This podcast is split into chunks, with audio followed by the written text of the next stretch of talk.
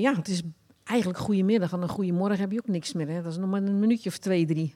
Dus goedemiddag allemaal. Ook die uh, nu inschakelen om mee te kijken, om met ons mee te doen. Dat je op die manier uh, ja, ook toch ook een uh, fijne dienst mag beleven met elkaar. En, en, en, God ook mag ervaren als je meeluistert met alles wat er vanmorgen weer gedeeld wordt over Hem. En vooral ook welkom in het kijken, Sjaak en Leni. Die zitten helemaal bij de Pyreneeën. En uh, leuk dat jullie meekijken. Dat zouden jullie doen. En Sjaak, gefeliciteerd met je verjaardag. en uh, dat je een gezellige dag hebt saampjes. Misschien nog wat leuks gaat doen. Maar goed, ik, uh, ik zat van de week te lezen. En ja, dan laat God je zomaar weer iets zien. En ik zeg tegen altijd, ik zeg, oh, dat is eigenlijk wel mooi bij het avondmaal ook. En dan, uh, dan zegt Paulus, wij spreken echter de wijsheid van God als een geheimenis. Dus Paulus zegt, ik spreek de wijsheid van God als een geheimenis. Een wijsheid die verborgen was. En die God voor alle eeuwen al voorbestemd heeft tot onze heerlijkheid. Dus er was iets verborgen, een geheimenis, tot het Jezus eigenlijk, tot die tijd was dat verborgen. En de profeten hadden dat eigenlijk wel willen weten. Die hebben erover geprofiteerd, maar ze hebben het niet begrepen. Engelen hadden begeerd een blik daarin te slaan. En al die tijd was het verborgen. Een wijsheid die niemand van de leiders van deze wereld gekend heeft. Want immers, als ze die gekend hadden, zouden ze de heren van de heerlijkheid niet gekruisigd hebben. En die, die overste, die onderaan het kruis stond, toen die zag, op dat moment dat Jezus stierf, toen hij dat zag, toen zei hij, waarlijk, dit was een zoon van God. Werkelijk, we hebben de zoon van God gekruisigd. Met andere woorden, dit had natuurlijk nooit mogen gebeuren. Maar snap je waarom het daarom verborgen moest blijven? Dat mocht niemand weten, Anders had het voorkomen geworden. De, duivel die wilde Jezus dood hebben. Ik dacht, dan is het mee opgelost. En inderdaad, hij moest sterven. En hij koos daar ook vrijwillig voor. Want door dat sterven heeft hij juist ons die heerlijkheid bereid. Anders zouden ze het, als ze het begrepen hadden, als ze dat geheimenis gekend hadden, hadden ze het niet gedaan. Dus dit moest gebeuren en dat moest tot die tijd ook een geheimenis blijven. En het staat er ook, maar het is zoals het geschreven staat, wat geen oog heeft gezien en geen oor heeft gehoord en wat in geen mensenhart is opgekomen, dat is wat God bereid heeft voor degenen die hem lief hebben. Dat had dus ook niemand, nog engelen, nog profeten, ooit gehoord of gezien, ook niet in de hemel, en begrepen wat Gods bedoeling was om inderdaad jou met Hem te verzoenen. Waar we vandaag ook aan denken, dat je verzoend bent met Hem door dat sterven heen.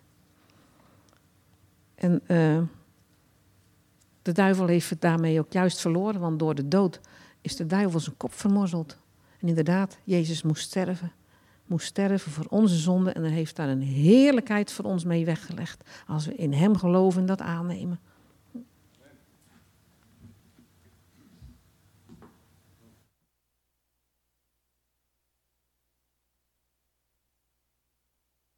Als je daar eh, goed over nadenkt, dan eh, heeft de duivel in zijn eigen voet geschoten. Want de duivel die, eh, is een gevallen engel. En die snapte het ook niet. Dus de duivel is niet zo slim. Hij is ook een brullende leeuw, maar hij is ook niet zo slim. Want hij had niet in de gaten dat het verlossingsplan van God was dat Jezus moest sterven. En altijd heeft de duivel geprobeerd om, om dat te voorkomen. Dus we hoeven wat dat er gaat ook over zijn slimheid niet zo, niet zo bang te zijn. we gaan een zegen vragen over de getuigenissen. We hebben hier ook een, uh, een gemeente Bijbelschool en er zitten wat uh, broeders en zusters op om te leren de woorden zo uit de Bijbel te ontvangen dat ze het ook leren om door te geven. En daar gaan we zo naar luisteren. Maar we gaan eerst een zegen vragen over het spreken en het horen. Vader, in Jezus' naam danken we u dat u oren gegeven hebt, ook geestelijke oren, om te horen wat de geest tot de gemeente zegt. En we bidden, Heer, dat u onze geestelijke oren opent, ons geestelijke harten opent en ons geestelijke oog dingen laat zien die je normaal niet kan zien. Heer God geeft dat aan ons allemaal, hoe oud of hoe jong we ook zijn. Geestelijke oren ogen en een hart om te begrijpen wat uw bedoeling is. Zegen ons zo in de naam van Jezus. Amen. En ik wil eerst vragen, Monica, voor degenen die haar al langer kennen. Monica is een van de wonderen van Steenbergen. Zo zie ik dat.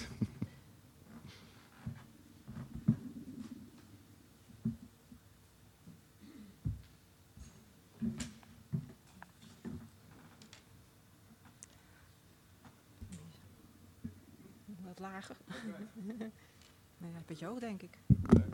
Zo, ja. Dankjewel. Goedemorgen. Het is toch wel apart. Je huiswerk voorlezen in de kerk. Maar goed, we gaan gewoon beginnen. 1 Petrus, hoofdstuk 1, vers 8. Ook al hebt u hem nog nooit gezien, toch houdt u van hem. U vertrouwt op hem, hoewel u zich geen voorstelling van hem kunt maken. En u hebt bijna een hemelse blijdschap. Misschien ken je dat wel als je de Bijbel leest, dat je bij een bepaalde vers iedere keer weer dezelfde gedachte terug hebt. Nou, dat heb ik bij dit vers. Ook al hebt u hem nog nooit gezien, toch houdt u van hem. U vertrouwt op hem, hoewel u zich geen voorstelling van hem kunt maken. En hebt bijna een hemelse blijdschap. Dan als ik dat las, heb ik iedere keer weer dezelfde gedachte. Maar zo is het niet bij mij gegaan. Ik heb hem eerst gezien, toen ben ik van hem gaan houden en ben ik me gaan vertrouwen. En ik moest daar echt even bewust over nadenken. Want die gedachte is gewoon heel raar. Want het klopt gewoon helemaal niet. Want ik heb Jezus of God nog nooit met mijn natuurlijke ogen gezien. Maar waarom voelt dat zo sterk dan voor mij? Of waarom denk ik dat iedere keer dan weer zo? Nou, als je daar echt even na denken, bewust, dan is het natuurlijk... Ja, ik mag Jezus, God, al een tijdje kennen in mijn leven. En met dingen met hem meemaken. En hij laat dingen aan mij zien. En er gebeuren dingen. En daardoor groeit dat natuurlijk wel. En wat laat Jezus dan, of hoe laat hij zich aan mij zien? Hij heeft natuurlijk een hele mooie lange brief aan mij geschreven, de Bijbel. Aan jullie, maar ook aan mij. Of uh, door een broer of zus. Gewoon wat hun doen. Of hoe ze over dingen denken. Of hoe ze handelen. Of gewoon hoe ze zijn. Dan kan je ook echt Jezus ontdekken. Of natuur. God heeft zo'n natuur zo mooi geschapen voor ons allemaal. Zo prachtig. Uh, als ik bijvoorbeeld was bij Peter in de auto zit, bij mijn man. Ik heb geen rijbewijs, hij wel. Dus dan zit ik naast hem. Kan ik zo genieten van die luchten. Iedere keer weer andere kleuren, wolken, andere vormen. En soms soms een regenboog of een regenachtig weer. Of de zon of de sterren s'avonds aan de hemel. Echt prachtig, uniek vind ik dat. En dan vertel ik dan heel vaak tegen mijn man en mijn kinderen die dan bij auto zitten. Van kijk eens naar die lucht dan. Ja, volgens mij vertel ik dat de vervelendst doe. en moeten ze dat vaak aanhoren van mij. Of als ik bijvoorbeeld in de tuin zit, zo lekker in mooi weer. En uh, we hebben sinds twee jaar een, uh, twee vlinderstruiken in de tuin. Een uh, witte en een paarse. Maar vooral bij die witte op een of andere manier. Als het mooi weer is, vliegen daar heel veel vlinders omheen. En die fladderen, die hebben allerlei kleurtjes. En soms komen ze dan heel dichtbij, op de tafel zitten bijvoorbeeld. Ja, als je dan ook nog een vogeltje fluit, ja, meer heb je dan toch eigenlijk niet nodig. God geeft ons zoveel waar we van mogen genieten. Of wat ik ook een paar keer heb mogen ervaren ondertussen. Van, God even een arm om me heen legde. En misschien klinkt dat heel zwevig of heel raar of weet ik het. Maar ik zou niet weten hoe ik het anders moet beschrijven eigenlijk. Gewoon op die manier. Um, of dat hij even een warme deken over mijn schouders ligt. Als ik hier bijvoorbeeld zit, even, even zo een warme deken over je schouders. Of hij fluistert iets in mijn hoofd of in mijn hart. Of hij vergeet me een lied in mijn hoofd. En dat is meestal een paar regels, wat iedere keer blijven herhalen. Maar het zijn altijd wel de juiste woorden voor op dat moment. Waar stuur iemand naar me toe of laat me iets zien. En zo kan ik nog wel dingen verzinnen die ik mee heb gemaakt. En misschien herkennen jullie ze wel. En misschien heb je ook van, goh, wat, wat is dat allemaal veel. Maar vergeet niet, dit zijn allemaal kleine gebeurtenissen over een lange periode. Die ik nou even allemaal achter elkaar plakt om te vertellen. En daardoor lijkt het misschien wel eens heel veel. Maar goed, ik zie God of Jezus natuurlijk niet met mijn natuurlijke ogen. Maar ik mag hem wel steeds beter leren kennen door dingen die ik ervaren heb mogen zien. En als je zo'n moment hebt dat ik weer iets mag zien of iets mag ervaren of iets mag ontdekken van, oh, oh ja, oh zit dat zo? Of, oh ja, ja, dat gevoel is toch uniek? Dat is zo mega, zo bijzonder. Als je dat moet omschrijven, dat is eigenlijk niet te beschrijven, maar als je het omschrijft, is dat toch eigenlijk bijna hemelse blijdschap. Want ik denk, als ik echt hemelse blijdschap mag ervaren, is als ik hem zie tot oog, oog, het aangezicht. In de hemel of opnieuw de aarde of waar dat ook op zal zijn op dat moment. Ik kan nu met heel mijn hart zeggen: God, Jezus, ik hou van u. Maar dat is niet altijd zo geweest. Ik kwam tot geloof en het was niet gelijk van: ik hou met heel mijn hart van Jezus of ik vertrouw hem helemaal. Zo werkt het niet voor mij. Bij mij moest dat groeien. En toen ik hier pas in de kerk kwam, dan zag ik wel eens mensen staan met hun handen open. En dan ja, met ogen vol tranen, vol passie, vol gevoel. En zongen die, of die zei dan, ik hou, Jezus, ik hou van u. En dat vond ik wel hartstikke mooi. Maar ik schaamde me eigenlijk dan ook wel een beetje, want ik had dat niet, de passie en zo helemaal gelijk zo vol zijn. En natuurlijk weet ik, iedereen is anders. Er zit anders in elkaar. Maar bij mij moest dat gewoon groeien.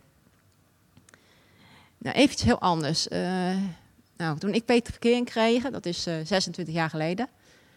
En uh, dan zagen we elkaar het weekend. En woensdagavond mochten we met elkaar bellen. Een half uur, anders werd het duur volgens mijn vader. En dat was dan zeven uur s avonds. En ons eerste gesprek kan ik nog heel goed herinneren. En ik weet dat ook voor Peter geldt. Want we hebben van de week nog met eten en met de kinderen samen over gehad. En uh, nou, het was een heel leuk gesprek. Aan het einde zei hij heel lief tegen mij: Ik hou van je. En ik heb toen heel boos de hoor op de haak gegooid. Klets. Nou, is dat niet zo slim natuurlijk en zo handig?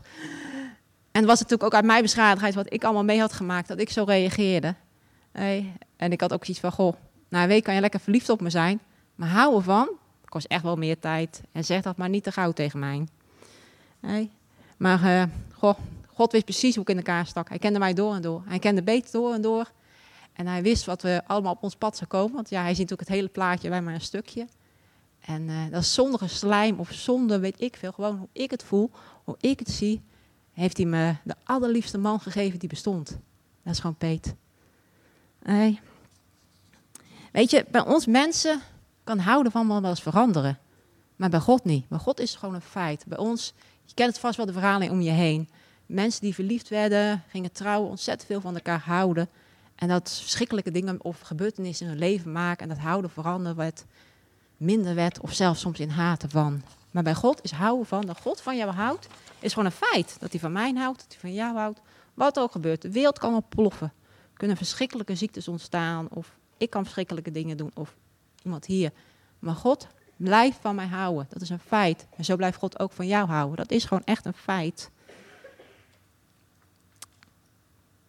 ik weet dat ik van heel, God van, heel hart van God hou. En dat ik hem ook vertrouw met heel mijn hart. dat kan ik ook zeggen. Maar zo moest vertrouwen bij mij wel groeien. En dan gingen stapjes zo houden van vertrouwen in God moest groeien. En natuurlijk, als je, heb je dan wat van je gedachten, maar als dat en dat gebeurt, of uh, dat en dat, wat dan? Nou, dan zie ik dan wel weer, als dat en dat gebeurt, is God er ook wel bij. En dan komt het dan ook wel goed. Als je dan een huiswerk krijgt, je krijgt zo'n vers op. En dit was dan een vers nou, wat me allemaal raakte. Wat ik nieuwsgierig was wat erachter zat, achter die gedachte. Dan ga je daarmee in de gang en je leest die versen in verschillende vertalingen. En je leest het hele hoofdstuk, je schrijft wat op. Je denkt er nog eens over na. Je gaat een rondje wandelen met de hond.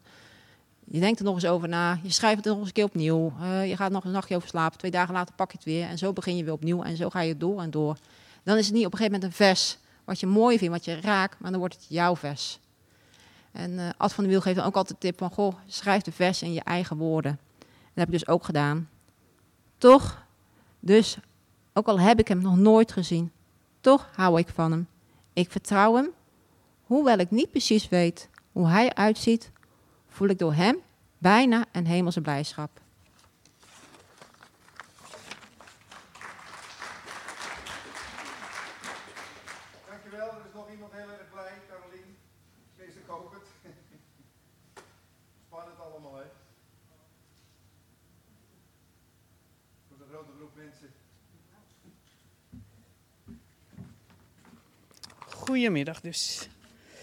Um, ook ik heb mijn huiswerk gemaakt en uh, ook dit vers overdacht.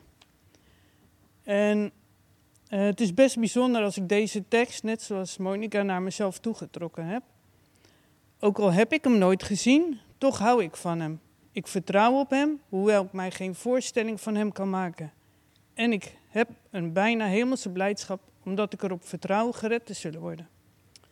Ik weet niet hoe dat voor jullie is, maar ik zelf uh, vind het best wel raar om van iemand te houden die ik nog nooit gezien heb. Of. Of. Oké.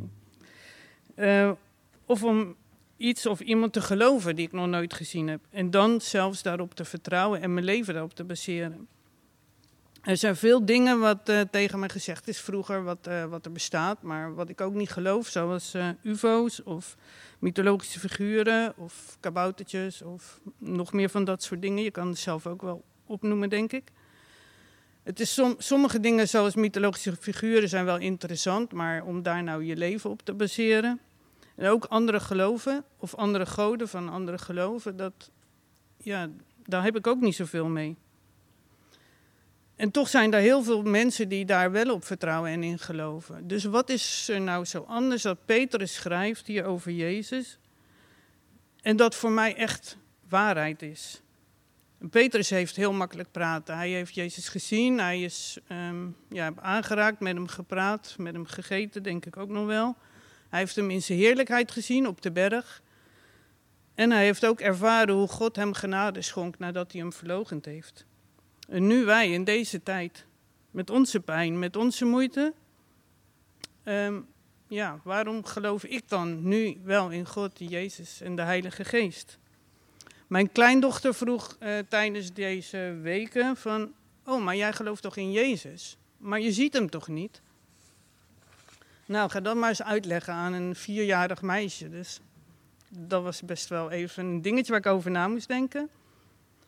Ik heb zelf God heel dichtbij mogen ervaren. Op een moment dat ik veel pijn en verdriet had in mijn leven. Toen heb ik het uitgeschreeuwd naar God. En God heeft mij ja, ja, laten merken dat hij er was. Hij uh, gaf mij op dat moment zoveel liefde. En ik ervaarde zo'n hemelse blijdschap, zoals het in dit vers staat. Dat ik, um, ja, dat ik wist, dit is God. Ik kende God verder niet zoveel, ik was er wel mee opgevoed. Maar toen ging ik Bijbel lezen. En al die getuigenissen in de Bijbel, die spraken over Jezus. En de mensen in de kerk die ik toen leerde kennen, al hun getuigenissen, leerden mij Jezus kennen. En nu even terug naar mijn dochtertje, dus dat moest ik gaan uitleggen. En het was een half bewolkte dag en de zon zat op dat moment achter de wolken. Dus ik vroeg aan Zoe van, uh, Zoe, geloof jij dat de zon er is? En toen zegt ze, ja, oh, maar die zit achter de wolken. En uh, ik zei, ja, maar je ziet hem toch niet? Maar hij is er wel, hè? En toen zei ze, ja, dat klopt. Ik zeg, en als het nou een hele regenachtige dag is, geloof je dan nog dat de zon er is? Toen zegt ze, ja, want het is licht, oma. En, um, even kijken hoor, waar ik nou zit. En ik zag dat de zon al een beetje tevoorschijn kwam achter de wolken. Dus ik ging met haar een stapje naar achter, zodat we in de schaduw stonden. Ik deed de handjes voor de ogen en ik zeg, oh, Zoe, nou moet jij zeggen wanneer jij de zon voelt. En ik liep een paar stapjes naar voren en de zon kwam tevoorschijn. En toen zei ze, oma, ja, nou voel ik de zon. Ik zei, nou, zo is het ook precies zoals oma uh, Jezus ervaart. Ik zie hem niet altijd, maar ik voel hem wel. En dan weet ik, als ik hem even niet voel, dat hij er gewoon is. En nu weer terug naar Petrus, want die heeft voor dit vers heeft hij ook nog uh, veel andere dingen geschreven. Hij, is realistisch, want hij spreekt over beproevingen. Hij is vol hoop, want Jezus is opgestaan. Hij is vol geloof um, en gericht op een geweldige toekomst. En hij spreekt over een hemelse blijdschap, want God is onze redder. En inderdaad, tot ons verdriet moeten we nu ook allerlei beproevingen en uh, strijd ondergaan.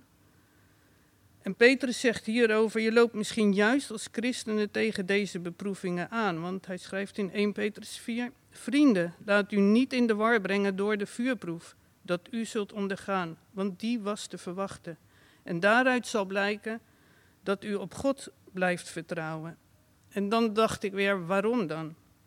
Maar ook denk ik aan het vers wat hiervoor staat over de goudsmid.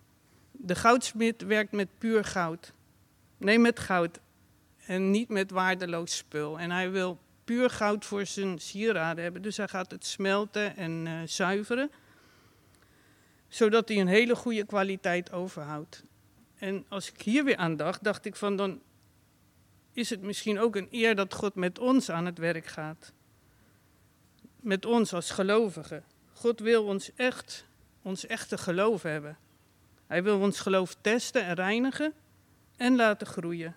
Zodat we op God blijven vertrouwen door alle moeilijkheden heen. Hij gaat voor geloof van de beste kwaliteit. En Wat ook bijzonder is, dat het geloof veel meer waard is dan het goud. Ik denk eenvoudig gezegd dat God tegen ons zegt: Uw geloof is kostbaar voor mij, kostbaarder dan alle rijkdom van deze wereld, die op een dag zal vergaan. en nu, wanneer de vijand allerlei ellende op u afstuurt, wil ik dat u volhoudt met een onwankelbaar geloof. Maar wel voor ons nog steeds een geloof zonder zichtbaar bewijs, maar met heel ons hart, met heel ons ziel, met al ons kracht en ons verstand en met een hemelse blijdschap.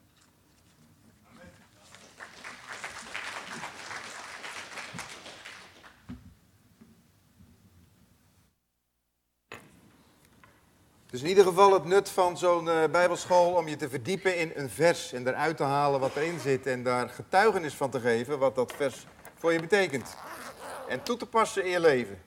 En wat in de wereld vaak een spreekwoord is, en misschien ken je het wel, en misschien is het voor jou ook van toepassing, eerst zien en dan geloven, toch? Zo zit het in elkaar. We willen het eerst zien, eerst proeven, eerst tasten en dan geloven we het. We hebben graag harde bewijzen van iets voordat we, dat we het gaan geloven. En uh, ja, deze preek is bijna niet te verbeteren, dames. Dankjewel. Uh, ik zal toch proberen mijn, uh, mijn dingen er ook over te zeggen. Mij trof dat vers wel, wel heel erg. En ik heb dat ook mogen ervaren. En ik hoop dat als je tot geloof komt en de Heilige Geest krijgt, dat je weet waar we het over hebben. Als je die blijdschap nog nooit blij geweest bent in het geloof, dan, dan moet er nog iets gebeuren in je leven. Het evangelie, het woord evangelie, betekent ook ga gelijk even over horen. Jullie allemaal middelbare school of zit er nog iemand op de lagere school van jullie?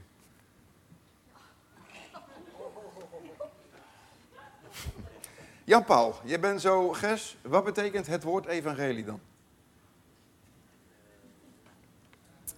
Even kijken, ik zal straks eens even met je ouders spreken. het woord evangelie, wat zeiden de engelen nou toen Jezus geboren was? Wij verkondigen u grote blijdschap. Dus het woord evangelie betekent blijde boodschap. Dus eigenlijk is het onmogelijk om het evangelie te horen, te beseffen, te begrijpen en net te kijken alsof je net een citroen op hebt. Zo van, uh, nou, ik ben blij hoor. Blij dat ik straks in de hemel kom. Onmogelijk. Dus hier gaat het over die blijdschap die God wil geven, die ieder christen, ik zeg niet dat je het iedere dag, ieder moment van de dag beleeft, maar je moet weten als je christen bent, je komt naar een kerk, moet je weten wat dit betekent voor jou.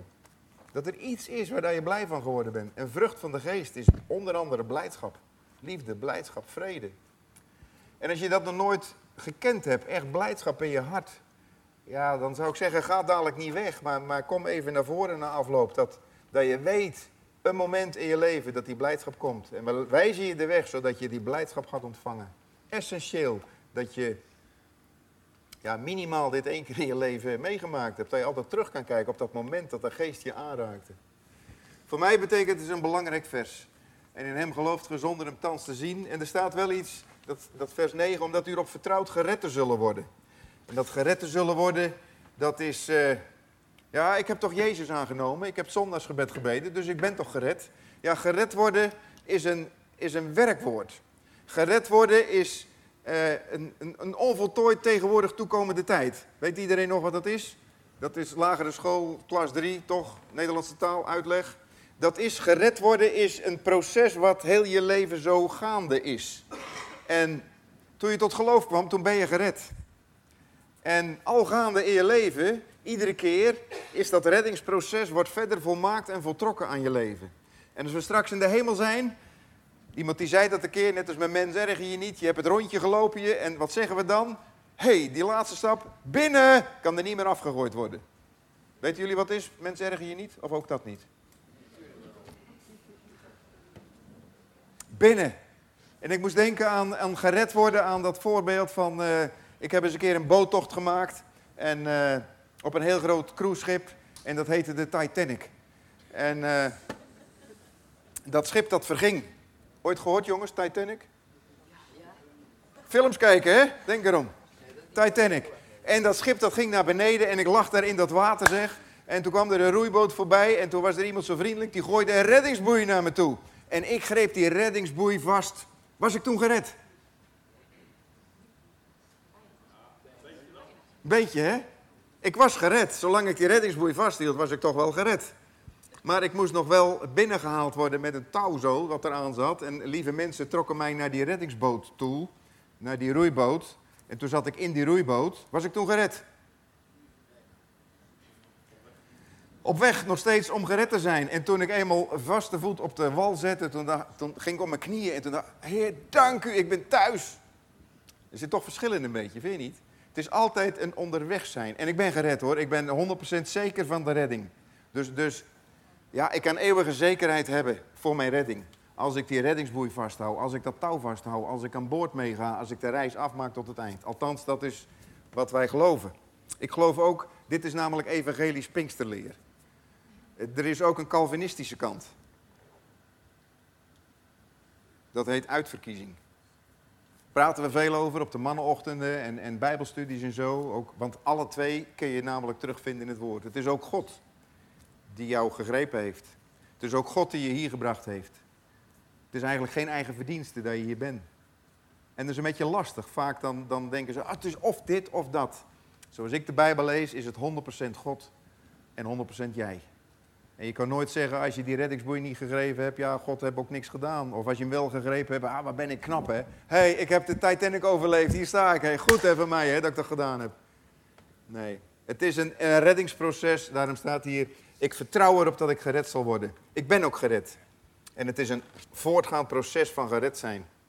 Johannes 20, vers 29, er staat dat Jezus zegt, geloof je het nu omdat je me ziet, zei Jezus. Er waren mensen die die hoorden het van anderen. Hij is opgestaan, hij leeft, we hebben hem gezien. En het was nodig dat ze het zelf zagen, want ja, er zijn ongelovige Thomassen en, en wij ook soms zijn we ongelovig. We willen graag visuele bewijzen hebben. We willen graag tastbare dingen hebben. Willen het niet alleen horen van anderen, we willen het zelf zien. En, en we zuchten ernaar. Uh, maar Jezus zegt, gelukkig zijn de mensen die me in mij geloven zonder mij gezien te hebben. En 2 Korinthe 5 vers 7, want we wandelen in geloof en niet in aanschouwen. De mens is geneigd om, om behoefte te hebben aan iets te zien. Een been wat uitgroeit, een, een kanker die verdwijnt op gebed. Uh, wij willen graag tastbare dingen. En ik heb pas, jongens, even de volgende film, ook even kijken. Fatima, zegt dat wat? Nooit gehoord, Fatima? Zijn hier betrouwbare katholieken binnen? Toch? Katholiek, hè? Fatima. Zegt niks? Nog meer katholieken, ex-katholieken? Fatima? Jopie? Ja. Fatima zegt niks? Wat zegt dat dan? Ja, dus een, uh, heilige in de katholieke kerk. In Fatima is een dorpje in Portugal. Daar verscheen Maria aan Lucia, heet ze. Ze is later non geworden aan drie kinderen. En als je die film ziet, dan zie je ook de hele omgeving die loopt uit. Want Lucia die heeft de verschijning van Maria gehad. Waar of niet waar, daar ga ik niet over discussiëren. Maar mij trof dat als iemand zegt: Ik heb een verschijning gezien, ik heb een visioen gehad, dan lopen de dromme mensen er naartoe en die gaan dat nog aanbidden ook. Wow, die heeft iets gezien. Die heeft een wonder meegemaakt. Daar moeten we zijn. Terwijl dat de Bijbel eigenlijk zegt van wij leven in geloof. Dat is het wonder van het geloof. De Heilige Geest komt in je hart. En dan heb je eigenlijk niks nodig meer om te zien. Of om beet te pakken of om een keihard bewijs te hebben. Het bewijs is dat die geest van God in je hart komt en daar ligt de zekerheid. De blijdschap komt in je leven en dat is de zekerheid waar het hier over gaat. 2 Korinthe 4, vers 18, daar staat, dus wij kijken niet naar wat zich voor onze ogen afspeelt, naar de moeilijkheden om ons heen, maar we kijken uit naar de blijdschap die ons wacht. Al zien we die nu nog niet. Dus er is bij christenen een blijdschap hier en nu en tijdelijk, heel pover, heel, heel, heel zwak. Uh, Paulus die zegt, wij kijken in de spiegel als in raadselen. Jongens, hoe zag de spiegel er 2000 jaar geleden uit? Waar werd die van gemaakt? Weten jullie dat? Nou, leren jullie vanmorgen wel veel, hè? Dat was een koperen plaat die de vrouwen oppoetste en zo glad maakte dat ze zichzelf een beetje konden zien. Zo zag er een spiegel uit. Maar geloof je dat een koper gepoetste plaat net zo helder is als tegenwoordig de spiegels? Nee, hè? Dus je zag maar een beetje hoe hij eruit zag. En dat is ook een beetje van de blijdschap die wij hier kunnen proeven. Wij hebben al een beetje blijdschap. Als je dat wonder van het vorige vers weet, dan is er hier al blijdschap. Maar de Bijbel die, die zegt, we kijken uit naar de blijdschap die ons wacht, al zien we het nog niet. Er is een blijdschap, lieve mensen, Ja, dat, dat, dat vers, wat mag dat zijn? Natuurlijk is dat wonder wat verborgen is en wat geen mensen hard opgekomen is. Dat is dat God de wereld verzoent met zich door aan een kruis te hangen. Maar het wonder wat ook niemand bedacht is, dat is wat dadelijk ons staat te wachten. Ook, ook dat is een, een, een bovenmate iets. En je mag er een voorstelling van maken. De blijdschap noemt erover. Straten van goud, levend water. Vruchtbomen die het hele jaar door vrucht bieden. Misschien ben jij dat wel zo'n boom. Ik trek dat ook naar me toe. Iemand zei dat. We trekken diverse naar ons toe. Als je openbaring leest en je ziet de vruchtbomen langs, de, langs die stroom van levend water, dan pas ik dat ook op mezelf toe. Dan zeg ik, Heer, ik, ik mag zo'n vruchtboom zijn. Mag ik zo'n vruchtboom zijn? Het hele jaar door vrucht dragen. Ik ken geen droogte en geen seizoenen. Het hele jaar word ik gevoed door de stroom van levend water. En dat anderen onder mijn bladeren genezing vinden, dat staat er van die bomen. Geldt voor u en mij als je de verzen naar je toe trekt. Het is niet alleen maar toekomst, hier begint het al geestelijk. Maar dit is een perspectief. Al zien we het nu nog niet, alle zichtbare dingen zijn tijdelijk, maar de dingen die we nu nog niet zichtbaar zijn, zullen eeuwig blijven. Daarom staat er in de Bijbel, zoek de dingen die boven zijn, niet die op de aarde zijn. Zoek de dingen die boven, bedenk de dingen die boven. En wij bedenken de dingen. En vroeger toen onze kinderen klein waren, zat, en ze hadden wel eens wat uh, in de puberteit zo, ging dat wel eens tegen elkaar. Jullie kennen dat niet zeker, broeders en zussen? Nee, bij jullie is het altijd heel, je luistert naar elkaar. En, uh, maar bij ons thuis was dat niet altijd. En dan zaten ze zo te hakken takken en dan begon Machtel te vertellen. Jongens, weet je wat ons te wachten staat? Straks. Als je dan wil, ik wil nu een keer in Mexico zijn, dan huppakee, gaan we even Mexico kijken. Hup, dan zijn we daar. Ah, ik wil een tijger over zijn rug aaien. Dat kan, hè? staat in de Bijbel. Hè? Hij zal bij, eh, bij een babytje zijn, een leeuw. En als we begonnen te bedenken wat boven is, de Bijbel roept op, bedenk wat boven is. In ieder geval wat geopenbaard is, maar nog veel mooier. Dan werden de kinderen rustig en dan zeiden ah, staat ons dat allemaal te wachten? Ja, dat staat ons te wachten. Dus bedenk voor al dingen die boven zijn. Ja, waar denken we aan als we op de aarde zijn? Ik, ik, ik moet mezelf wel eens constateren. Weet je waar ik vaak aan denk? Dat ik nog zoveel dingen te doen heb. Ik ongekend hele lijsten met dingen. Vink, vink, vink, vink. En dan ga ik stille tijd houden en dan ga ik bidden. En dan, dan ga ik me richten op God. En dan ben ik net me richten aan God. En dan ping, ping, ping. En dan heb ik er een briefje bij liggen. Dan denk ik even wegschrijven, heer. Sorry, maar ik moet even mijn hoofd leegmaken. Anders dan kan ik me niet richten op u. Dus ik moet me leegmaken van de dingen van deze wereld om op God te richten. Er staat in het blaadje wat jullie gekregen hebben, of, of hier mee kunnen nemen over die tien dagen vasten en bidden. Er staat uh, vandaag de dag, het is al de tweede dag. Dat, is, dat gaat over de bovenkamer. En dat is niet hier de bovenkamer daar, dat is dat ieder mens een bovenkamer, een bovenzaal, een binnenkamer moet hebben. Waar je de omgang met God kan vinden. En ik vond het zo mooi wat hier staat. Je ogen zullen de koning zien in zijn schoonheid. Als wij die tijd met God gaan reserveren, in gebed, dan zullen we de koning zien in zijn schoonheid. Dat is toch geweldig om in een geestesoog de koning te zien in zijn schoonheid. En als je dat gaat ervaren, dan, ja, dan word je bewogen, dan word je aangeraakt. Als je de koning gaat zien in zijn schoonheid, dan krijg je geestelijke ogen en dan ga je perspectief krijgen en dan ga je zien wie Jezus is met een geestelijk oog. En je gaat hem ook horen met een geestelijk oor. In 2 Korinthe 5, vers 7, er staat: Door het geloof en niet door het zien weten wij dat dit waar is. Het geloof. En wat is nu geloof? Nou, ik zal zeggen wat de Bijbel erover zegt. Hebreeën 11, vers 1. Wat is geloof? Het is de absolute zekerheid dat onze hoop ook werkelijkheid wordt. Het is het bewijs van de dingen die we niet kunnen zien. Geloof is niet van uh, wat de wereld zegt van, uh, ja, ik geloof het. Ik hoop het. Het is allemaal twijfel. Dus de wereldse uitspraken, woorden van geloof. Ah, ik geloof het hoor. Ik ben niet zeker, maar ik geloof het. Ik hoop het. Ik ben er niet zeker van, maar ik hoop het. En ik heb ooit een keer mogen leren wat, wat christelijke hoop is en wat christelijk geloof is. Ik heb eens een, eh, een zeiltocht gemaakt van Marseille, nee, van uh, Athene naar Marseille. Twaalf dagen non-stop varen met storm op zee. En uh, dat was heel heftig. En ik denk, ik had het nooit moeten doen. Ik had mijn oudste zoon aan boord, zijn tot de broer en nog een vriend. Ik denk, als we hier vergaan. En uh, dat was zo heftig dat dat erop leek even. Ik denk, ik had het niet moeten doen, had. Nooit meer doen. Als we vergaan, is ze de man kwijt, de zoon kwijt en de broer kwijt. Dus, slecht voorbeeld is dit. Maar ik dacht wel, s'nachts om drie uur, dan loop je wacht. Dan is het pikken donker en, en die boot die schommelt zo dat je niet eens van je stoel af kan gaan. Dan gaat de keer.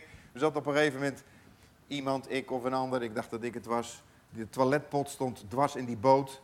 En dan moet je af en toe, ook tijdens de storm, naar de wc kan je je voorstellen. Dus ik zat op die pot en die boot die gaat zo die kant op en toen terug. En ik klap zo op die pot dat de bouten uit de vloer kwamen. Dus dat ging wel even tekeer. Gelukkig zitten er afsluiters aan zo'n toilet, anders loopt die vol. Maar toen hoopte ik dat het vijf uur zou zijn. Ik geloofde ook dat vijf uur eraan kwam. Waarom? Omdat het dan licht zou zijn. En dan kon ik in ieder geval weer wat zien. En anders tast je in het duister. En ik geloofde met mijn hele hart dat het vijf uur zou worden. Ik weet niet of ik het zou overleven, maar ik wist wel dat het vijf uur zou worden. Ik hoopte dat het vijf uur zou worden. En ik hoopte dat het licht zou worden. Maar denk je dat ik één seconde twijfelde aan dat het licht zou worden? Ik wist zeker dat het licht zou worden. Christelijke hoop en geloof is zekerheid. Zoals ik zeker wist, dadelijk gaat het licht schijnen. En dus ook dat voorbeeld van, uh, van Zoe. Je weet toch, je weet toch dat die zon schijnt, ook als je hem niet ziet. Dus geloof is een zekerheid van de dingen die we niet zien. Veel zijn we gericht, ook als christenen moeten we uitkijken dat we niet het hier en nu. Uh, er is een theologische stroming, Kingdom Now, die gaat over de wereld. Wij moeten hier het koninkrijk van God bouwen en dat is ook zo. Alleen onze focus is op het koninkrijk wat straks ook komt. Dus tuurlijk zijn er dingen van het koninkrijk hier en nu. En tekenen en wonderen, dat, die gebeuren heel zelden, heel af en toe. En we bidden ervoor en eh, soms geneest er iemand. Maar er is heel veel bij heel veel mensen die niet genezen en die niet uit de dood opstaan en waar de kanker niet verdwijnt. En zo nuchter en reëel moeten we zijn. Wij hebben een weg te gaan naar het beste wat nog komen gaat. Iets wat we nog niet zien. Dus een werkelijkheid die gaat komen. En als het leven hier soms heel moeilijk is, en er is een vers in de Bijbel wat erover gaat, Habakkuk 3 vers 17, er is ook een lied over wat we dadelijk gaan zingen. Habakkuk 3 vers 17, er staat, al zou de vijgenboom niet bloeien en er geen opbrengst aan de wijnstokken zijn. De vrucht van de olijfboom teleurstellen, al zouden de akkers geen spijs opleveren, de schapen uit de kooi verdreven zijn en er geen runderen in de stallingen zijn. Wat voor situatie is dat, broeders en zusters? Kan je iets bij voorstellen? Geen inkomen, ontslag, je moet je huis uit, want er is geen geld. zijn geen lammeren, geen voorraad. Je lichaam laat het afweten. Alles is verdreven, teleurstelling. Ik ben teleurgesteld in de kerk, in mensen, in God, in mijn broeders, in mijn zusters, in mijn vrienden. Ik ben zo teleurgesteld. Weet je wat dit vers zegt? De profeet die zegt, nochtans zal ik juichen in de Heer, jubelen in de God van mijn heil. Dit is het geheim. Toen ik jong christen was, heb ik dit liedje mogen leren. En al die 50 jaar dat ik dat nu mag kennen, in iedere omstandigheid, heb ik de ervaring dat deze, dit geloof in God, dat stelt alles teleur. Al mis je je werk, al mis je eigenlijk alles, al wordt alles van je weggehaald en verlies je alles, nochtans zal ik juichen in de Heere mijn God. Jubelen in de God van mijn heil. Dit is het grote geheim van dat vers 1, Petrus 1, vers 8. In hem geloof ik. Hem heb ik lief, zonder hem gezien te hebben. Ik geloof in hem, zonder hem thans te zien, met een bijna onuitsprekelijk verheerlijkte vreugde. Dat is de vreugde die God geeft en ik wens jullie dat allemaal toe. En als je de vreugde niet kent, God is een God die zich laat vinden. Zoek ernstig mijn aangezicht, zegt hij, en je gaat dat ondervinden. Ga niet door mijn leven, ook niet een beetje christelijk, een beetje geestelijk, als je die vreugde niet kent.